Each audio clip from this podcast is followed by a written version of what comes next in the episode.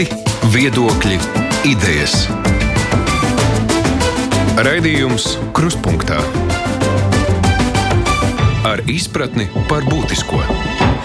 Studijā Mārija Ansone. Covid-19 ir devis pamatīgi triecienu Latvijas ekonomikai. Atsevišķi jomu darbība šobrīd faktiski apturēta, citas darbojas ierobežotā režīmā. Valdība lēmus par ārkārtējās situācijas pagarināšanu līdz 7. februārim. Bet kādā situācijā ir Latvijas ekonomika un ko ielgusi dīkstāve nozīmētu uzņēmumiem un to darbiniekiem?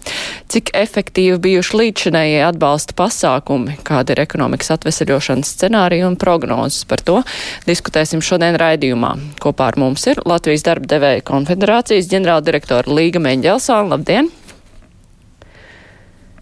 Tāpat arī Rīgas ekonomikas augstskolas profesors, ilgspējīga biznesa centra direktors Arnis Sauka. Labdien! Sveicināti! Uh, Latvijas bankas ekonomists Uldis Rutkaste. Sveicināti! Dien. Un arī ekonomikas ministrijas analītikas dienesta vadītājs Jānis Salmiņš. Labdien! Ne. Pagājušā gada mārts, aprīlis, mājas bija ar stopkrānu, bet uh, no novembra daļai kaut kas strādāja, daļai ne. Ir jomas arī, protams, kur ir eh, gājis ļoti labi, bet ir arī tādas, kur faktiski ir visu laiku bijuši ierobežojumi. Ko tas viss kopumā ir nozīmējis ekonomikai, Rustkas kungs? Nu jā, nu tas, protams, ja pērnajā gadā ekonomikai ir nozīmējis ekonomikas apjoma samazināšanos. Jā. Um, cipari vēl nav pieejami, tie būs pieejami kaut kad pavasarī, bet nu, atbilstoši Latvijas bankas prognozēji kopumā pagājušajā gadā IKP varētu būt samazinājies par 4,7%. Un, kā jau jūs minējāt, ir skaidri redzams, ka tā negatīvā ietekme, ko, ko pandēmija ir nesusi, nu, nav vienmērīgi sadalīta dažādu nozaru starpā. Protams, ka pakalpojumu, viesmīlības nozars ir cietušas daudz vairāk. Jā, tur šie apgrozījumi, kritumi, šīs biznesa aktivitātes sarukums ir bijis milzīgs, un šīs nozares nu, ir teiksim, cietušas būtiskus zaudējumus kas licis jau daudziem uzņēmumiem izšķirties par to, vai vispār turpināt darbību šajā jomā vai neturpināt. Tā kā kopumā krīzes zobs ir bijis ļoti ass, un jo īpaši tajās nozarēs, kur šī ietekme ir bijusi tieši. Kāds gada rezumē ir darba devējiem, Mēģinās Antkundze? Jā, šis ir bijis eh, ļoti eh, īpatnējs un tajā pašā laikā skarbs gads, kurš eh, pavasarī ienesa vienu pirmā kārtām jau tādu neskaidrības un baiļu sajūtu, pēc tam tā situācija nostabilizējās. Kopumā mēs esam pagājušā gadā mācījušies strādāt pavisam citā tempā un citā sazobē un, un prasījuši arī to no valdības puses. Uh, gājis ir brīžiem kā pa celmiem. Tajā pašā laikā šis ir bijis arī gads, kad daudzas nozares ir sapratušas arī gan savas iespējas, kuras ir jāizmanto tajā brīdī, kad piegāžu ķēdes saīsinās, kuras ir iespējas, kurā brīdī ir, kad mainās ļoti būtiski piegādātāji, un tā ir iespēja pārņemt šīs ķēdes. Tāpēc mums ir arī ļoti labi čempioni un, un tie, kas ir ļoti labi attīstījušies šajā laikā. Tajā pašā laikā tās nozares, kurās ir ļoti liels šis sociālo kontaktu skaits un, un viņas ir dabiski tam, tādā veidā ir veidotas, kas ir pasākuma nozara, turisma nozara, ēdināšanas nozara un tā tālāk. Šīs, protams, ir nozares, kurām ir bijusi visvairāk jādomā, ko darīt tālāk, kā darīt tālāk un vai vispār darīt tālāk. Un, tā kā īpatnība Latvijā ir tāda, ka šīs ir ļoti nodarbināto vai darbinieku ietilpīgas nozares, tas nozīmē, ka tas attiecās arī tālāk, jau tā ir sociāla rakstura problēma. Un, ja tur šī ķēdīte neiet ļoti gludi, tad, protams, tas rada dažādas emocijas sabiedrībā. Un tas, protams, ir radījis arī tādu dažādus jautājumus, kas pēc tam var kaitēt tālākā tādu, tādu risinājumu jautā, risināšanā, jo šajos visos procesos ir vajadzīga vērsta galva un ārkārtīgi tāds skaidrs un fokusēts skats uz, uz jautājumiem. Saukskungs, vai nu, tā īsi vērtējot, vai ir labāk, sliktāk nekā varēja gaidīt nu, šādā ārkārtas gadā? Man, man liekas, ka beig, beigās ir labāk, jo, jo man liekas, martā, aprīlī mēs bijām nu, lielākā daļa, visi sabijušies par to, ka tiešām būs, būs pavisam slikti. Es domāju, arī, arī Latvijas bankai bija prognozes vienu brīdi, es pieņemu, arī, arī sliktāks nekā, nekā patreiz ir. Tad vienā brīdī likās, ka ir pavisam labi, ja, un, un, un ka viss ir, viss ir beidzies. Tagad mēs arī saprotam, ka arī tas bija, ka tas bija teiksim, no pāragri. Ja, kā, galvenais, liekam, jau kas, eh, nu, nu, kas ir jāsaprot, un, un, un arī, arī turpinot šo sarunu, nu, šī nav pirmā ekonomikas krīze, un, un nav pēdējā ekonomikas krīze. Ekonomiski ir cikliska, un, un, eh, un, un, un ar to mums ir jārēķinās agrāk vai vēlāk. Mēs atkal būsim bedrē, un atkal mēs būsim kalnā, jā, un tas ies eh, un atkārtosies. Ar ko šī krīze atšķirās, ir, ir tas jau arī, ko Mendelsons kundze pieminēja, ir, ir nenoteiktība. Nenoteiktība dēļ tā fona, dēļ kā šī krīze ekonomikas ir, ir ja, ja mēs to varam saukt par krīzi, nu vai, vai lejupslīd kā minimums. Ja, Un mēs nezinām, cik ilgi ies, mēs nezinām, cik ilgi ies pandēmija, mēs nezinām, kāds būs atsitiens ar, ar, ar laiku. Un, un nenoteiktība nozīmē risku, risks nozīmē naudu, tas maina uzvedību, un līdz ar to arī, arī teiksim, nu, šī visa ekonomiskā situācija ir tāda, kāda ir, un ir ļoti samērā grūti paredzēt, es domāju, arī, arī Latvijas bankā, ja kuram ekonomistam, teiksim, kā tas viss attīstīsies uz priekšu. Kas ir labi, kas ir interesants, starp citu, kad veidojot budžetu, prognoze ir pat, pat, pat kad ekonomika augs, ja, kas man liekas mazliet dīvaini. Ja, tad, nu, tad mēs esam, man liekas, starp realistisko Latvijas bankas prognozi un, un kaut kur, manuprāt, ļoti optimistisko Latvijas valdības prognozi, kas veidojot budžetu plusus kaut kādas rēķinājas. Bet nu, no ekonomikas ministrijas viedokļa, vai jūs nu, šajos nenoteiktības apstākļos nu, veidojat kaut kādus plānus, scenārijus, jo nu, mēs redzam, ka saslimstība šobrīd nemazinās, mums ir vakcinācijas plāns, nu, vēl pilnībā skaidrs nav, bet redzam, ka ātri ar to uz priekšu noteikti neies. Esam arī atkarīgi no tā, kas notiek citās valstīs, jo pandēmija tas ir kaut kas ļoti plašs, vai nu, mēs vienkārši rēķinamies ar to, ka nu, kaut kādas nozares vienkārši nestrādā un viss, vai arī ir kaut kāds brīdis, kad saprot, nē, ir jādomā. Nu, kā ļaut cilvēkiem darboties, jo tas nevar vienkārši ievilkties bezgalīgi. Kā jūs uz to raugoties ministrijā, Salmiņkungs? Jā, nu, attiecībā par scenārijiem un stratēģijām nu, noteikti arī, un tas bija ļoti liels kopdarbs arī ar uzņēmējiem jau pavasarī, kur ministrija strādāja pie šīs Covid pārvarēšanas stratēģijas.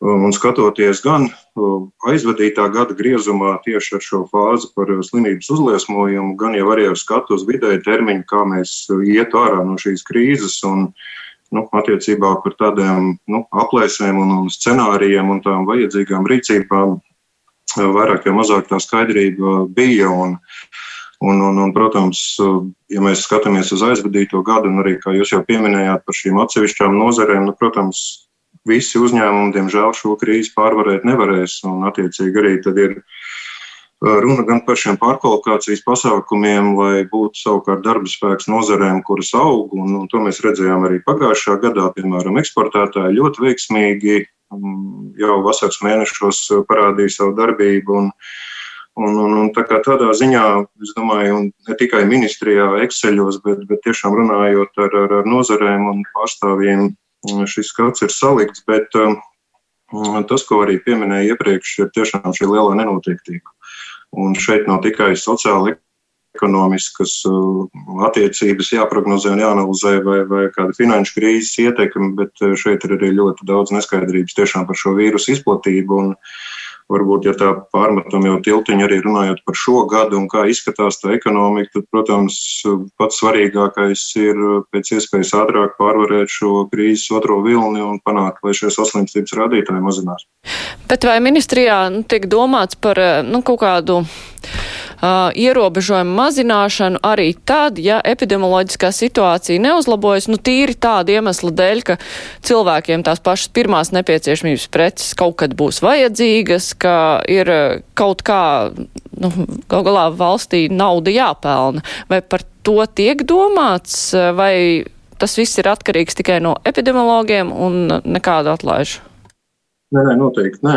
Tad, tad, protams, tiek domāts, un arī jau 2. janvārī ministrijā bija nu, attālinātā formā sanāksme un saruna, un tieši arī par šo jautājumu, ko jūs pieskārāties par veikaliem un šo preču pieejamību, jo nu, tie valdības gala lēmumi jau, protams, nav panākt aizliegt cilvēkiem iegādāties kādas preces, bet um, mazināt šo pulcēšanos un infekcijas izplatības risku. Un, uh, arī šajā OVG grupā, ko, ko vada valsts kancelēs direktors, uh, tad vadības grupā ir, ir nesti šie priekšlikumi par to, ka arī pārskatīt šo regulējumu. Un, uh, Tā kā tiešām vairāk mudināt cilvēkus nepulcēties, izmantot arī e, e risinājums un, un, un tam līdzīgi, bet arī tāpat laikā ļaut iegādāties arī šīs preces, lai, lai neveidotos tas, tā problēma par to, ka viņas tiešām būtu vajadzīgas, bet nav pieejamas. Savukārt par dīkstāvus pabalstiem runājot, cilvēki, kuri nevar strādāt, tos saņems, kamēr vien nevarēs strādāt, vai arī tur ir kaut kāds ierobežojums, tā kā vasarā bija ierobežojums. Noteikti pagarinās, un arī no ministrijas puses mēs inicējam arī pārskatīt un atvieglot šos piekļuvus nosacījumus, lai, lai nebūtu varbūt tik, tik, tik sarežģīti ar šiem procentiem par kritumiem pret iepriekšējiem mēnešiem vai iepriekšējiem gadiem. Un, protams, cik ilgi būs arī šī dīkstāves situācija un, un, un ierobežojumi, tik ilgi arī visi šie atbalsta instrumenti darbosies. Un, ja mēs arī paskatāmies datos, tad Faktiski bezdarba situācija vismaz gada pēdējos mēnešos, novembrī, decembrī, tik drastiski nepasliktinājās, kā tas bija pavasarī. Tāpat laikā nu, 20 tūkstoši jau uz vakardienu dati no valsts ieņēmuma dienesta bija par šiem pieteiktajiem dīkstāvus pabalstiem. Tā kā arī no uzņēmuma puses tas aktīvi tiek izmantots. Un, kā jau arī minēju, tad no ministrijas puses mēs skatāmies par to, ka arī vēl vairāk atvieglot un, un dot iespēju vēl plašākam lokam pieteikties. No uzņēmēja viedokļa, protams, šie dīkstāvs pabalsti ir domāti darbinieku algošanai. Cik ilgi uzņēmums var eksistēt ar to arī darbiniekam, protams, kamēr viņš, nu, viņš nevar dzīvot bezgalīgi ar šo te daļu algas? Vai uzņēmums cik ilgi var eksistēt tādā gaidīšanas režīmā, Meņģelsons kundze? Jā, un uzņēmums šobrīd jau ir uh, gan pieņēmuši lēmumus, ko, ko un kā darīt tālāk, kādā veidā viņi ir uh, vai nu uh, sašaurinājuši savu darbību, vai tieši otrādi ir, uh, ir pamainījuši darbības um, specifiku. Un visu, ko ir iespējams izdarīt attālināti, attālinātā tirdzniecība un viss pārējais, to viņi arī um, veiksmīgi vai mazāk veiksmīgi mēģina darīt. Bet uz jautājumu, cik ilgi, protams, tas ir, nu, tas šobrīd ir tas neatbildamais jautājums. Mūsu galvenā uh, pozīcija ir tāda, ka uh, tajā brīdī, ja mēs uh, vienalga vai tajā OVG grupā vai citur lem par kādu, jeb kādu ierobežojumu, tad uzreiz pretī tam jābūt ir skaidram atbalstam, jo tas ir vajadzīgs gan uzņēmuma dzīvotspējas, nu, nodrošināšanai, gan arī cilvēkiem, lai nebūtu lieka, lieka stresa. Uh, protams, ka uh, tas nevar būt uh, nu, tāds, tas nav ilgtermiņa pasākums nekādā gadījumā.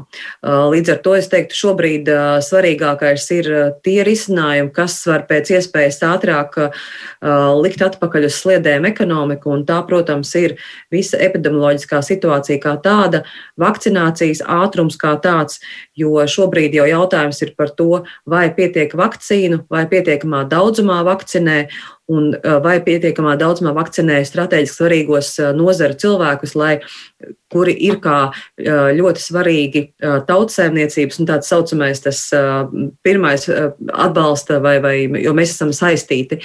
Līdz ar to šie jautājumi šobrīd ir tādā nu, maksimālā priekšplānā. Un līdz ar to es teiktu, ka šobrīd nu, tās ziņas, kas šobrīd nāk no valdības puses par, par nestabilitāti, tas ir slikti, jo ir ārkārtīgi svarīgi, lai šī komanda strādātu stabili. Uz vakcināciju tiek liktas milzīgas cerības, bet mēs redzam, ka vismaz Latvijā šis vakcinācijas plāns nav ļoti strauši, un mums ir grūti vakcinēt šos te kaut vai 60-70% no visiem cilvēkiem pietiekami ātri. Tas nozīmē, ka iespējams varbūt visu gadu nāksies rēķināties ar šo te bremzēto uh, ekonomiku un uzņēmumiem ar dīkstāvus pabalstiem, vai ir jādomā par kaut kādiem papildus stimuliem tādā gadījumā, Saukas kungs. Nu, es, diemžēl, neko nevarēšu pateikt par vakcinēšanās plānu. Es neesmu mediķis. Es Nē, bet par papildus par stimuliem ekonomikai. Jā, bet, par, bet, bet, bet par to, ka mums ir ekonomikas teiksim, stimulēšanai, un ne tikai stimulēšanai, bet arī, arī domājot par to, kas notiks pēc tam, jābūt gatavākiem nekā mēs esam. Tam, tam gan es pilnīgi noteikti piekritīšu. Jebkuram, kas to, kas to teiks, un, un, un manuprāt, mēs līdz šim nesam teiksim, parādījuši sevi no labākās puses kā valsts nu, viens piemērs, ja mēs varam runāt par martu, aprīli, kad bija nenoteiktība, un mēs tiešām neviens nezinājām īsti, kas te notiks un, un, un, kā, un kā ir jādara, tad, tad, tad, tad manuprāt, mēs, mēs esam vienīgais, kas tā domā. Manuprāt, kad vajadzēja būt mazliet gatavākiem vai stipri gatavākiem šim otram vilnim, visu cieņu ekonomikas ministrijai, kas, kas beig beigās nu, netik ne sen nāca ar, ar plānu, kas ir jādara, bet, bet, bet nu, tas plāns tika, man, manuprāt, stipri par daudz diskutēts pēdējā brīdī. Uh, tam plānam bija jābūt gatavam uz, uz bet, laiku. Bet kādā, uh, tieši kādā griezumā tam vajadzēja būt gatavākam, vajadzēja būt jau ātrāk uh, šiem ierobežojošajiem pasākumiem vai atbalsta pasākumiem? Kam vajadzēja tieši būt ātrāk? Uh, bija jābūt scenārijiem par to, ko darīt pie, pie dažādu, dažādu situāciju attīstības. Mēs, mēs martā nonācām situācijā, kad mēs nezinājām, ko darīt, bet mums bija aprīlis, maijs, jūnijas, jūlijas, augusts, septembris, oktobris, novembris, lai mēs būtu gatavi par to, kas notiks tagad. Lai, lai mēs zinātu, ka, ja būs teiksim, otrais vilnis, tad mēs darām to, ja būs, kaut, ja būs vairāk, tad mēs darām vēl kaut ko, A, B, C, D. Man bija tāds iespējas, kad, kad, kad nebija plāna ne A, ne B. Tas plāns tika radīts nu, pēdējā brīdī, būtībā, kad mēs jau bijām nonākuši. Pret, jo, jo pretējā gadījumā tad, tad ir jautājums, kāpēc, kāpēc mēs nezinājām, ko darīt teiksim, izglītības ziņā, nu, kāpēc bija jādiskutē tik, tik daudz, ka būtībā viss jau notika un, un, un bija nu, ātri jādara. Kāpēc mums, mēs nezinājām, teiksim, kādu naudu, kur, kādiem uzņēmējdarbības atbalsta pasākumiem mēs dosim? Respektīvi, nu, vajadzēja labāk plānot, bet tas ir, tas ir par esošo situāciju. Ir, ir arī, protams, situācija, kas ir uz priekšu, jo, jo mēs, mēs arī pirmā kursā studentiem jau mācām, ka, krīze ir tas brīdis, kad ir, kad ir jāinvestē, jo, jo teiksim, nu, ekonomikas lejupslīdes laikā ir resursi lētāki un ir labāk investēt. Un, un, un, un, un šis ir tas brīdis arī, kad ir jādomā par nākotni. Arī par šodienu, arī par rītdienu, arī par parītdienu, nezinot, kā situācija attīstīsies, bet arī par nākotni. Jo, jo, jo krīze, ekonomikas lejupslīde ir tas, ir tas laiks, kad var investējot infrastruktūrā, investējot gudri, tiešām iznākt, kā mēs sakām, nu, no krīzes spēcīgākiem. Jo, jo, jo tā ir iespēja pārdalīt pozīcijas gan, gan uzņēmuma līmenī, gan valsts līmenī, gan teiksim, arī valsts kaut kādu nu, asociāciju kopu, kopu līmenī. Un, un, un, un, un nu, Latvija arī, arī par to būtu mazliet ilgtermiņā jāplāno. Tā ir ekonomikas finanšu ministrijas atbildība, neviena cita. Salminkungs gribēja papildināt? Nē, nu, noteikti jau arī par šiem atbalstiem un scenārijiem, protams, vasarā paredzēt, ka tā situācija būs tik smaga gada nogalē, nevarēja. Bet tā lielākā problēma ir arī par šiem atbalsta instrumentiem. A scenārijs būtu bijis līdz ar valdības lēmumu novembrī ieviest tos pašus atbalsta instrumentus, kas bija pavasarī. Bet, nu, protams, arī jau dzirdēts un ir bijusi arī pamatot kritika, viņi nebija ideāli. Un tā vēlme bija uzlabota, lai uzņēmējiem šis atbalsts būtu pieejamāks un mērķētāks, un attiecīgi arī esot Eiropas vienoto tirgus telpā. Protams, tas ir birokrātisks, bet, diemžēl, visas šīs jaunās iniciatīvas un, un idejas ir jāsaskaņo ar Eiropas komisiju, lai šie valsts atbalsti būtu leģitīmi. Un, un tas prasa laiku, kas arī radīja šo problēmu novembrī, ka tika izsludināta situācija, bet ar vēlmi uzlabot instrumentus. Un, piemēram, tas ir apgrozāmo līdzekļu instruments uzņēmumiem, kurš nebija pavasarī. Tas prasīja laiku, lai, lai decembrī viņi varētu sākt darboties. Tā kā, nu, tādā ziņā, ka uh, tā vēlme bija vairāk uzlabot šo atbalstu pieejamību un, un, un sekt visas tās vajadzības, kas bija varbūt arī kļūdu labojums no pavasara, bet uh, tas prasīja nedaudz vairāk laika. Rutkas, kungs, kā jums šķiet, vai tiešām prognozēt nevarēja šo te otro vilni, sagatavoties nevarēja? Nu, tā kā brīdināja visus, ka būs, ka jāgaida. Nu, manuprāt, bija skaidrs, ka uh, šie, šie viļņi būs otrais, iespējams, trešais, un tā attīstība būs tā kā amerikāņu kalniņiem. Ja? Uh, Jautājums, protams, noprognozēt tieši, kad šis otrais vilnis sāksies, nu, tas ir cits jautājums, un to diez, diez vai pilnīgi precīzi varēja pateikt. Bet nu, skaidrs, ka uh, būt gatavībā, ja nu, tas būtu bijis pragmatiski. Un es negribētu arī tik pesimistiski vērtēt valdības rīcību, jo kopumā jau tie atbalsta virzieni ir ļoti pareizi. Ja. Jautājums ir par, varbūt nedaudz par kalibrāciju, par šiem pieejas kritērijiem. Un jautājums ir drīzāk par to, ka šos instrumentus vajadzēja padarīt automātiskus un atkarīgus no šīs saslimstības gaitas.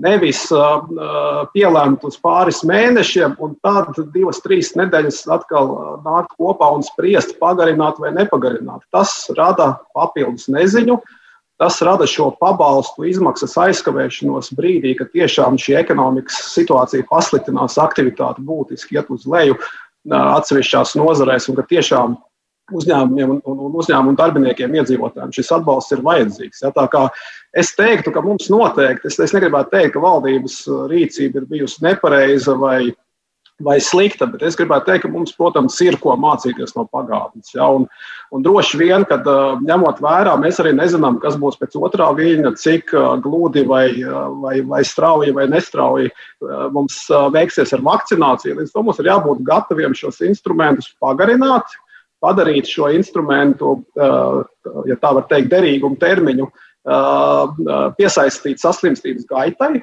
Nu, piemēram, epidemiologi var novienoties pie, pie kāda saslimstības līmeņa ekonomikas ierobežojumi var pakāpeniski sākt atcelt un tad, teiksim, piesaistīt, kad līdz saslimstība nokritīsies līdz šim konkrētajam līmenim, dīkstāvs pabalsts, piemēram, mums būs pieejami. Ja, un visi uz to varēs paļauties, un tas noteikti būtiski mazināt šo nenoteiktību. Bet jūs minējāt pagarināt šos instrumentus, bet ievalkoties laikā šim visam, uh, nu, arī dīkstāvs pabalstiem ir pieteikušies cilvēki ar nu, pietiekami varbūt maziem ienākumiem. Uh, iespējams, ka tie ir pašnodarbināti cilvēki, vai, nu, šis, vai cilvēki var rēķināties ar to, ka, ja tas ievalkās vēl uz trim, četriem mēnešiem, vai ar to pietiek, vai ir nepieciešams vēl kaut kāds papildus atbalsts? Nu, manuprāt, jau par to tiek sen runāts. Ar rezultātiem gan laikam tik strauji neveicās kā gribētos, bet, manuprāt, dīkstāvs pabalstiem klāt būtu jānāk arī apmācību iespējām, nu, teiksim, piemēram, kāda veida voucheru programmai, kad uh, cilvēki, kas ir dīkstāvē, viņiem ir uh, atbalsta iespējas no valsts, un viņi var pieteikties, piemēram, attālinātām apmācībām, papildināt savas uh, zināšanas un prasmes, pārprofilēties un tā tālāk, lai viņiem atgriežoties normālā ekonomiskā situācijā, lai, lai, lai šis atgriešanās process būtu gludāks, un lai šie cilvēki, nu arī, ja, piemēram, atsevišķās nozarēs tā situācija visticamāk neuzlabosies, tur kardināli strauji, ja pēc saslimšanas tas prasīs laiku, lai šiem cilvēkiem būtu papildus jaunas zināšanas un lai viņi ekonomikā tomēr varētu atgriezties. Ja, ja ne tajā nozarē, tad varbūt nomainīt darbu vietu un nomainīt nodarbošanos. Bet uh, ir jomas, nu šobrīd tā ir tā slavenā skaistumkopšanas nozare, vai šiem cilvēkiem ir liederīgi pārprofilēties, ja viņi tomēr, nu, agri vai vēl varēs atgriezties tajā savā pamata profesijā, vai tas ir, nu, liederīgi par to domāt, Meņģelsons kundze, kā jums šķiet? Jā, droši vien runājot par atbalstiem, ir, ir šobrīd tie dati rāda, ka uh, ir izmaksāti šobrīd uh, dīkstās atbalstā un algas subsīdijās uh, pāri par 9 miljoniem eiro, uh, kas tagad iznāk par, par šo periodu, tad iznāk novembris un decembris. Un, uh, Attiecīgi tie ir 5228 uzņēmumi. Un, ja, ja skatās sadalījumu pa darbiniekiem, tad, tad 21,000 darbinieku saņēmuši dīkstāvus atbalstu un 10,704 algu subsīdiju. Es domāju, tas akcents ir tieši uz šo otro, uz algu subsīdijām, kas nozīmē, ka tā ir daļējāka dīkstāva. Tas nozīmē, ka cilvēks strādā, bet viņš strādā samazinātu stundu vai dienu skaitu. Un tas ir tas, ko mēs jau arī LDDK jau prasījām, nu, jau arī pavasarī, kad nevis, ka mēs aizējām pilnīgā digstāvē, bet uzņēmums to sašaurinās vai, vai samazina savu darbību. Tās nozares, savukārt, kurām ir vienkārši šobrīd aizliegts, un, un to epidemiologi ir pateikuši, un tur droši vien grūti kaut ko viņiem ir iebilst, un droši vien arī nevajadzētu. Bet uh, jautājums atkal, cik ilgi un kādā veidā, tad uh, arī Es gribu teikt, ka arī paši skaistumkopšanas nozara ir, vismaz cik mums ir nācies analizēt, viņi ir arī izgājuši visus šos protokolus ļoti rūpīgi, un arī viņi sāk pielāgoties jaunajai situācijai. Tā, tā ka es domāju, ja, teiksim, šobrīd tā līkne ies uz leju, tad noteikti gan ekonomikas ministrija, gan arī, gan arī uzņēmuma organizācijas lūgs pārskatīt šos ierobežojumu nu, apjomu, jo šobrīd jau visu izsaka tiešām šis saslimstības rādītājs. Un es absolūti piekrītu tam, ka šeit ļoti pietrūka, varbūt gan visā, visā šajā periodā pietrūka tādas skaidrības un, un vienkāršības attiecībā uz, uz šo te, ja piemēram, saslims tik, tad ierobežojums ir tāds un atbalsts ir tāds. Vai tas saucamais luksofora princips, jo viņš var būt gan uh, ierobežojošs, gan tieši otrādi pie noteiktiem uh, rādītājiem samazinošs. Bet tas, kas iztrūkstas elements, kad, kad abām pusēm uh, ir skaidrs, kāpēc tas notiek. Jo šobrīd ir tā, valdība sanāca, izlēma, atnāca preskonferencē, pateica. Bet uh, tai, tai sazobē būtu, jo tā jau ir visu mūsu kopēja lieta, pēc iespējas ātrāk apkarot šo vīrusu, ne jau tikai valdības jautājums. Līdz ar to šeit šis te, uh, skaidrība un tas, uh, šie līmeņi uh, un izpratne tiešām iztrūka.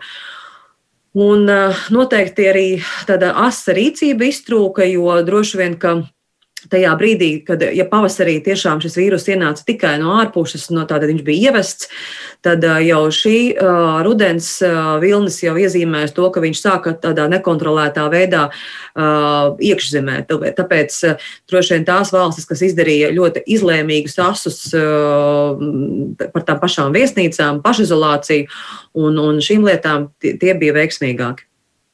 Jā, es atgādināšu klausītājiem un Latvijas televīzijas skatītājiem, ka šodien kopā ar mums ir Līga Meņģelsona, Latvijas darbdevēja konfederācijas ģenerāldirektora, Rīgas ekonomikas augstskolas profesors Arnis Sauka, Latvijas bankas ekonomists Uldis Rutkaste un ekonomikas ministrijas analītikas dienesta vadītājs Jānis Salmiņš. Raidījums Krustpunktā. Runājot par atbalstu, kas ir ticis piešķirts, šis te, tā kopējā summa ir ļoti liela, kas šī nauda, kas tiek ekonomikas kā, stimulēšanai un uzņēmumu izdzīvošanai. Saukskungs, vai ir pilnīga skaidrība, mm, nu, kā šī nauda ir tērēta, cik pamatoti, cik nepamatoti? Kāds ir jūsu iespējas? Mm. Nu, spriežot pēc tā, ko, pēc tā, kā es formulēju jautājumu, jūs iespējams esat dzirdējusi jau viedokļus, esmu mēdījos paudzes pirms tam par šo jautājumu. Nu, es tiešām esmu mēģinājis saprast, iedzinājies, un es tiešām skatos arī ekonomikas uh, ministrijas analītikas dienesta virzienā. Varbūt, varbūt viņiem, cerams, ir šie skaitļi. Tas ko, tas, ko es zinu, un kas nāk no fiskālās uh, komisijas padomes, uh, šie dati, kad esot iztērēti, ja es, tad var mani labot, ja es kļūdos Bet, bet, arī, bet arī fiskālā komisija nebija pārliecināta tā līdz galam. Tur bija atruna, ka tur varbūt arī mazliet savādāk. Bet esot iztērēti 3,4 miljardi, kaut kādi daži simti miljoni ir, ir, ir, ir iedzīvotājiem pabalstiem, 1,4 apmēram ir kapitāla sabiedrībām, 1,4 miljardi esot uzņēmējdarbībām. Tā informācija principā izskanēja tad, kad, kad ekonomikas ministrija tik, tik, tikko bija beigusi diskutēt par to, kādu vispār atbalstu ir jāsniedz uzņēmējiem. Respektīvi, man kā Latvijas valsts iedzīvotājiem un nodokļu maksātājiem, kurš beig beigās daļai atmaksās, un neviens cits jau neatmaksās šo parādu, nodokļu maksātājai beigās to izdarīs, gribētos mazliet vairāk skaidrību par to, ko tad es beigās maksāšu, iespējams, uz palielinātu nodokli vai kaut kādu citu uh, rēķinu. Man šāda skaidrība, diemžēl, nav, un es baidos, ka daudziem citiem nav. Un, ja, ja mēs tiešām runājam par 1,4 miljardiem Par, par kapitāla sabiedrībām es vēl varētu nojaust. Jā, tā droši vien ir, ir tas ir Baltika, kur, kur ir daudz naudas, vēl kaut kāda liela uzņēmuma. Bet nu, 1,4 miljardi uzņēmējības atbalstam, nu, man tiešām gribētu zināt, kas ir tā nauda. Un man gribētos kontekstā to, ko mēs runājām iepriekš, atkal saprotot, ka valdībai ir grūti pieņemt lēmumus, un ir šī nenoteiktība. Un jāplāno, kā Rutkas kungs arī, manuprāt, ļoti pareizi teica, uz priekšu, lai nav tā, ka tad, kad mēs iemācāmies šo naudu tērēt, viņas vairāk nav, un tad mums ir vēl jāizņemās, un tad Un, un, un tad vienā brīdī nu, resursi jau arī nav neizsmeļams, un gal galā beigās atkal jāatmaksā. Man tiešām gribētu zināt, kā tā, kā tā nauda tiek, tiek investēta, es ceru, vai, vai arī kaut kur tērēta vai, vai izmantota, bet es, man, diemžēl, šādas informācijas nav. Salmiņkungs, jūs varat viest skaidrību, kā šī nauda tika tērēta tieši uzņēmējdarbības atbalstam? Nu, noteikti lielos vilcienos varam, jo nu, tas, ko Sauks kungs pieminēja, šos visus lielos ciparus, nu, nosacīt, teiksim, tā, tā bija šī visa aizņēmuma un budžeta deficīta pieejamā nauda, kas bija salikta šajās atbalsta kastītēs cilvēkiem, uzņēmumiem un, un, un, un tā tālāk, un visu viņi noteikti nav iztērēta. Un, ja runājam tieši par atbalstu uzņēmē darbībai, tad ļoti liela daļa ir automa atbalsta programmas, kur ir ielikta nauda gan lielajiem uzņēmumiem, apgrozāmiem līdzekļiem, gan maziem vidējiem. Eh, gan, gan, gan kredīt saistību sekšanai, tā kā nu, faktiski arī tādā finanšu instrumentu veidā un mazākā mērā kā granti. Nu, par pārējiem nu, mēs jau daudz pieminējām. Tātad ir dīkstāvs pabalsti gan pavasarī, gan tagad. Uh, subsidētās nodarbinātības pabalsts, arī ko Meņģelsons kundze minēja, ka ne visi uzņēmumi ir slēgti, bet viņiem ir ierobežota darbība. Līdz ar to šeit darbojās šī subsidētā alga, ka uzņēmums turpina darbu un arī valsts sniedz atbalstu, lai, lai, lai darbiniekiem var samaksāt algas pie mazāka apgrozījuma. Tajā pašā uh, laikā tieši šīs dīkstāvs pabalsts un algu subsīdijas, un tas kopā neveido tādu ļoti lielu summu. Tas salīdzinoši ir maza daļa. Jā, ka, ka šī nauda ir kā teikt, rezerve, kā stāv bankā, un attiecīgi iepriekš uzņēmēja darbības viņa ir paredzēta. Un, un arī tā diskusija mums, kas šeit eh, iet par to, ka tad, tas būs mēnesis, divus, trīs vai četrus, nu, faktiski šī ir naudas rezerve, eh, ko mēs varam tērēt atbalstam, lai pārvarētu arī šo krīzes otro vilni. Tā, tā nav nauda, kas būtu tagad jau iztērēta un, un, un izmaksāt uzņēmumiem, bet eh, viņa ir kā pieejamākā šis atbalsta buferis tagad esošajā krīzē. Saukskungs. Nu, nu, nu labi, bet, eh, nu, bet apgaismojiet man lūdzu, nu, esiet tik laipni. Nu, cik tad ir nauda iztērēta patreiz uh, uzņēmējdarbības atbalstām? Cik nauda vai investēta? Cik nauda ir, ir nu, kur to var redzēt? Nu, droši vien tagad būtu jāstiep rokas un jāskatās datorā, bet arī no šīs pašas fiskālās disciplīnas padomas par kopējiem izdevumiem tas bija 3% no IKP, kas ir līdzinājis izmaksātais atbalsts. Bet tas ir ne tikai uzņēmumiem, tas ir arī gan cilvēkiem, gan infrastruktūras projektiem. Bet nu, tad ir iespēja iepazīties ar šo informāciju tā precīzi un visiem cilvēkiem, jo daudziem ir šāda neskaidrība. Nu, konkrēti tieši no budžeta puses par valsts atbalsta instrumentiem arī Fiskālās disciplīnas padome ik mēnesi publicē šo ziņojumu, un arī tajos viņi ļoti rūpīgi skatās tieši par šiem atbalsta instrumentiem, kas ir gan piešķirtie, gan arī vērtē šīs tiešās izmaksas. Un, viņi, manuprāt, viņi ir noteikti publiski pieejami vai no Finanšu ministrijas vai pašas Fiskālās disciplīnas padomas mājaslapā. Savukārt no mūsu klausītāja puses bieži ir bijis jautājums par uh, atbalstu tam pašam Air Balticam, uh, jo daudz šaubās, vai tā nauda, kas ir tikusi ieguldīta, kas ir tiešām ļoti liela, nu cik ilgā laikā tad uh, tā atnāks atpakaļ kaut kādā veidā līdz cilvēkiem. Rutkas kungs, varbūt jūs varat pakomentēt liederību šādu lielo ieguldījumu. Nu, tieši par uh, Air Baltica, um, cik ilgā laikā un kā tā nauda atnāks atpakaļ, es noteikti nevarēšu komentēt. Tur jāprasa um, droši vien pašam Air Baltica, bet uh, uh, daudzas valstis ir sniegušas atbalstus teiksim, tādiem lieliem strateģiskiem uzņēmumiem. Un, ja mēs raugamies teiksim, uz aviāciju, uz, uz satiksmi kā tādu, tad uh, noteikti tas, ka Rīga ir caur avio satiksmi savienota ar daudzām citām uh, valstīm un pilsētām, tas, tas ir vajadzīgs ekonomikas attīstībai. Un, un skaidrs, ka visa avio nozara, nozara tika ļoti smagi skarta jau, un manuprāt, tas atbalsts ir leģitīvs. Protams, jautājums, kādā apmērā, kādiem mērķiem, kāda ir turpmākā biznesa attīstības stratēģija, kā un vai šo naudu varēs atmaksāt un kādā laikā. Tie ir, tie, protams, ļoti svarīgi jautājumi, bet tie jāprasa konkrētiem uzņēmumiem vai atbildīgajiem valdībā, kas, kas, kas šos lēmumus pieņēma. Bet es varbūt nedaudz gribētu arī kopumā par atbalstu runāt. Un, un tur es teiktu, ka putra ir liela un ne, ne tikai Latvijā. Jā, jo pirmkārt ir uh, nenoteiktība tajā, kad ir viens izziņotais apjoms, cik šis atbalsts ir izziņots, vai maksimālais apjoms, cik ir piešķirts, nocirts, cik faktiski izlietots. Ja, tur radās milzīga atšķirība.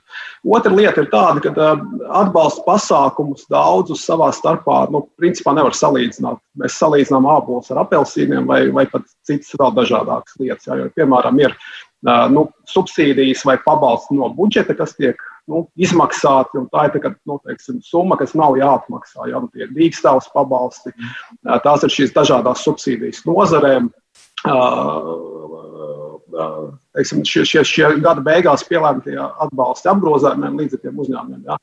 Tie nav atmaksājumi, tie ir budžeta izdevumi. Ja. Kopumā, ja mēs skatāmies uz budžeta deficītu, tad saskaņā ar Latvijas bankas prognozi šogad budžeta deficīts nu, ir apmēram ap 5% no iekšzemes koprodukta. Ja? Nu, tas ir apmēram pusotrs miljards. Ja? Nu, tā, tā ir apmēram tā nauda, kas tiek caur valdības budžetu papildus iepludināta tautsājumniecībā. Ja? Tas viss nav, protams, saistīts ar Covid, bet liela daļa no tā ir saistīts ar Covid atbalstu. Ja, ja mēs raugamies uz citiem atbalsta instrumentiem, tad, piemēram, tur ir likviditātes atbalsts. Nu, tie paši nodokļu maksājumu termiņu pagarināšana, ja, kas no vienas puses ir atbalsts, bet gala beigās uzņēmumam tie nodokļi būs jāsamaksā pēc gada, diviem vai trījiem. Ja.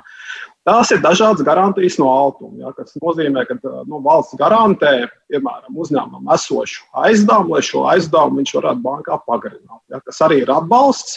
Bet tas nenozīmē, ka valsts kaut ko ir uzdāvinājusi. Valsts par to paprasa arī zināmu procentu maksājumu ja, par šo garantiju. Ja, tas vienkārši palīdz uzņēmumam nodrošināt šo, šos naudas līdzekļus uzņēmumam. Ja, tā kā šis atbalsta instrumentārs ir ļoti, ļoti plašs un visi instrumenti nav salīdzināmi viens ar otru. Līdz ar to teiksim, tādu vienu kopēju ciparu nosaukt ir ļoti grūti. Tas ir maldinoši. Ja, nu, mēs, mēs nevaram skaitīt kopā dažādas lietas. Ja.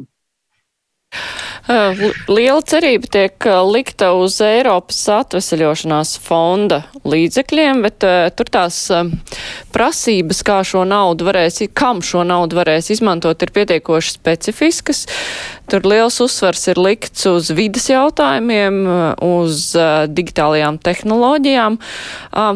No vietējo uzņēmēju puses vai tas ir paceļams, nu tā tam vidējam uzņēmumam, kurš, piemēram, ir cietis šajā Covid krīzē vai šai naudai, ko piešķirs uh, Eiropa, lai atkoptu Eiropas ekonomiku, ir kāds sakars ar krīzē cietušiem uzņēmējiem Latvijā? Tādas tiešas sakars, respektīvi, vai, vai uzņēmēji tiks, varēs uh, kaut kādā veidā darboties, lai izmantotu šo naudu? Kāpēc es vaicāju? Piemēram, Rīga jau ir pateikusi, ka labprāt attīstītu raida sistēmu, kas ir ļoti vajadzīga lieta, kas ir vajadzīgs arī izmešu ziņā, lai samazinātu izmešu. Tur viss ir skaidrs. Tā, protams, ka tā ir arī nauda, kas ieplūdīs Latvijas ekonomikā, kas arī sildīs ekonomiku. Bet vai uzņēmējiem, kur ir tieši cietuši šajā Covid krīzē, nu, no tā būs kaut kāds tūlītējs un ātrs labums, kā jums šķiet, Meņģelsons kundze? Protams, ka tūlītējs labums droši vien, ka nē, jo tas ir laika par laika posmu nākamajiem septiņiem gadiem, bet es domāju, ļoti svarīgs ir pati, pats plāns un skaidrība un virzieni. Jo uzņēmēji, protams, kad Viņi vienmēr salāgoši savu plānu un savus attīstības, nu, teiksim, viens plus trīs gadi, savus plānus ar to, ko dara gan vietējā valdība, tātad mūsu, mūsu pašu valdība, ko dara citu valstu vai šajā gadījumā Eiropas Savienības zonas valdības un kopējais plāns, jo ļoti svarīgi, lai nu, tas ietu kaut kādā sazobē. Un es domāju, ka tajā brīdī, ja uh, ir skaidrs, ka atvesļošanās plāns ir par uh, zaļāku Eiropu, digitālu un, un, uh, un patiesībā arī šie pandēmijas jautājumi, tad ir skaidrs, ka uzņēmējs ir gatavs pielāgot arī savus plānus tam. Tas, ko mēs prasām no mūsu uh, pašu uh, valdības, ir, ir šos plānus salāgot kopā, jo tā ir uh, nu, milzīga iespēja Latvijai par, par nāko, nākamā perioda investīcijām. Tad būtu svarīgi, lai mēs pirmām kārtām kaut kādas lietas nepārfinansētu lieku, kur, kur pārklājās, vai kādas lietas mums atkal savukārt pietrūkst. Līdz ar to tas, tas tāds ļoti um, tāds vietas pārklājums vai, vai plāns gan Eiropas Savienības fondu programmām, gan atvesļošanās programmām, gan, gan taisnīga, taisnīga bija vēl tas šis fonds vēl viens, kur šo visus instrumentus liekot kopā, tad tas būtu tas, nu, tas tāds gudra pieeja tai naudas investīcijām. Un tur nu, es ļoti ceru, ka ņems vērā nu, tā, ka burtiski tiešām Tā, to plānu, kas tika pieņemts jau pavasarī, šis Covid krīzes plāns, ko, ko pamatā mēs kopā ar ekonomikas ministriju arī izstrādājām. Un, uh, tur šīs visas fāzes, gan atvesļošanās, gan, gan nu, noturības, gan, gan arī at, tā no atvesļošanās fāze ir iekļauta. Tāpēc svarīgi, lai uh, no nu, šie lēmumi netiktu politizēti, un lai tas nebūtu kaut kāds signāls, ka tagad politiski, politiski varēs kaut kādus izrautus ārpus konteksta projektus um, iesniegt šajā te programmā. Ļoti būtiski, lai tas būtu tādā nu, kontekstā, un otrā lieta fokusēt, jo, nu, ja, ja tas būs tāds izkliede pa visu, lai katrai politiskajai partijai, tad tas būs ļoti bēdīgs stāsts visai šai lielajai iespējai, kas Latvijai ir. Uh, Rutkas kungs, uh, varbūt jūs varat arī uh, nu, formulēt, kā vispār uztvert šo te Eiropas atvesļošanās fonda naudu, kas ļoti bieži tiek piesaukta, ka mums būs pieejama milzīga līdzekļi, lai varētu mūsu ekonomika atkal atdzīvoties. Nu, cik liels tam ir sakars ar šīs te cietušās ekonomikas jomu? At, atveseļošanu, vai tomēr tas ir vairāk stāsts par to, ka mēs e, taisīsim kaut kādu fundamentu jaunai skaistai nākotnē, tajā skaitā arī ekonomikā? Jā, nu, pirmkārt, ekonomikā visas lietas ir saistītas, un pat ja šī nauda neieplūdīs tieši teiksim, tajos krīzes vissmagāk skartajos um, sektoros, bet, piemēram, tiks ieguldīti dažādu uh, infrastruktūras uh, objektu attīstībā. Ja tas nozīmē, nu, būvniecības nozarei būs darbs, būvniecības nozare maksās algas saviem darbiniekiem, iepirks dažādus materiālus un iekārtas, kas nepieciešamas šajā procesā. Ja, līdz ar to arī citiem uzņēmumiem būs papildus. Papildus uh, nu, teiksim, pasūtījumi, uh, būs ienākumi, maksās algas, cilvēki teiksim, šos ienākumus tērēs, un gan jau ka kāds arī aizies uz restorānu vai kaut kur izbrauks ārpus Rīgas un kādu, kādu viesu namu. Uh, pakalpojumus izmantos. Tā kā kopumā ekonomika ir saistīta, ja, un pat ja teiksim, šī nauda nenonāk krīzes kartajās nozarēs, tas noteikti palīdzēs arī krīzes kartajām nozarēm. Ja. Bet tas ir īstermiņa skatījums. Un, nu, teiksim, ja šie tēriņi ekonomikā būs, tad ekonomikai kopumā būs labāk. Ja. Bet, protams, tas, ko jau Mendelsons kundze pieminējās, ka nu, nu, nu, teiksim, raugoties no Latvijas attīstības viedokļa, būtu pragmatiski tomēr šo naudu ieguldīt um, no tādās lietās, kas ne tikai īstermiņā šo ekonomiku ceļ augšā, bet kas arī mums ļauj faktiski palielināt uh, mūsu ražošanas uh, potenciālu, ražošanas kapacitāti arī turpmākajos gados. Ja? Un, un šeit ir tā lieta, ka nu, teiksim, šis plānošanas process, lai tiešām kvalitatīvus uh, investīcijas projektus realizētu, prasa laiku. Ja? Bet, Bet savukārt um, krīzes kontekstā un naudas pieejamības kontekstā nu, tie ir nu, turpmākie divi, trīs gadi, kad mums jau laulas tiesa no šīs naudas būtu jāiztērē vai vismaz jāiezīmē konkrētiem, konkrētiem mērķiem. Ja? Un, un šeit var rasties problēma, ka vienkārši nu, mums kā valstī var nebūt pietiekoši daudz izplānot un jau realizēt gatavu um, augstas kvalitātes projektu. Ja? Un, Manuprāt, viens no veidiem, kā šo problēmu risināt, nu, teiksim, pietiekoši apjomīga daļa no šiem līdzekļiem būtu vērts ieguldīt dažādu finanšu instrumentu izveidē, nu, kas ļautu naudu rotēt ekonomikā un izmantot ilgākā laikā. Tā, kā, nu, nu, tā mēs varētu iegūt vairāk nekā īstermiņā, nu, uzbūvējot šo ekonomikas aktivitāti, jā, bet pēc tam, kad šī nauda beigsies, tad arī ekonomika nu, saka, piezemēsies un, un iesāksies stagnācija. Saukskungs, kā jums šķiet, no kādām kļūdām vajadzētu izvairīties, nu, tā kā mēs pieteiksimies jau uz konkrētiem projektiem no šīs Eiropas naudas? Nu, vajadzētu izvairīties no tādām kļūdām, kāpēc mēs viņus neesam dabūjuši, piesaistījuši. Un, un, un, un, un es domāju, tur ir, ir, ir ko mācīties. Teiksim, nu, mēs varam par dažādām naudas apgulēm runāt, sākot ar zinātnē, beidzot ar šādiem atbalstiem. Bet uh, es, es tiešām piekritīšu tam, ka te ir jāskatās uz priekšu, tā ir nauda investīcijai. Un, un, un, un šādi finanšu instrumenti, kā arī Dutkas kungs jau pieminēja, tie, tiešām tas varētu būt viens no veidiem. Ja vēl, ja vēl šāda nauda tiek investēta infrastruktūras kaut kādai uzlabošanai, kas nāk līdzi kopā ar, ar to, kas ir patreiz vajadzīgs, bet kas ir arī uz priekšu, tas ir vēl jau, vēl jau labāk. Ja? Ar infrastruktūru saprotot eh, daudz un, daudz un dažādas lietas, jo, jo, jo patreiz šī diskusija, protams, ir, ir pierimusi, bet eh, jo, nu, viss lielākā daļa prāta ir aizņemta ar, ar Covid krīzi, un, un tas ir arī saprotams. Bet, bet agrāk vai vēlāk mēs atkal eh, runāsim par, par produktivitāti, mēs runāsim par to, kas ir nākotnes profesijas, uz, uz ko uzņēmējiem ir jākoncentrējās, kā labāk, kā ātrāk, kā efektīvāk. Un, un bez infrastruktūras, bez, bez, bez, bez prātiem, bez teiksim, starptautiskās apretes, kas zināšanai, inovācijām ir būtiski, tur nekādā veidā to nevar izdarīt. Un, un, un, un tas ir tas pamats, kas būtu jāieliek. Es domāju, arī ar, ar šo naudas palīdzības teiksim, atbalstu. Un tas ir tas, ko arī, man liekas, arī mūsu kaimiņu valsts diezgan, diezgan labi dara, arī, arī starp citu patreiz. Salmiņkungs, tā būs finanšu ministrija, kas uh, pieņems galavārdu par, bet par šo te, par Latvijas projektiem Eiropas atvesļošanas fondam, bet kāds ir ekonomikas ministrijas skatījums, nu, kā tam vajadzētu strādāt, lai patiešām mēs, nu, domātu ilgtermiņā, kā šo naudu iztērēt, un lai tie nebūtu kaut kādi projekti tādi ātrie, ka tikai naudu apgūt? Nu jā, ja noteikti šeit ir divi aspekti. Un uh, viens ir tas, ka Latvijas ekonomikā jau arī pirms Covid krīzes bija izaicinājumi, un tā ir tāpat pieminētā produktivitāte, cilvēka kapitāls.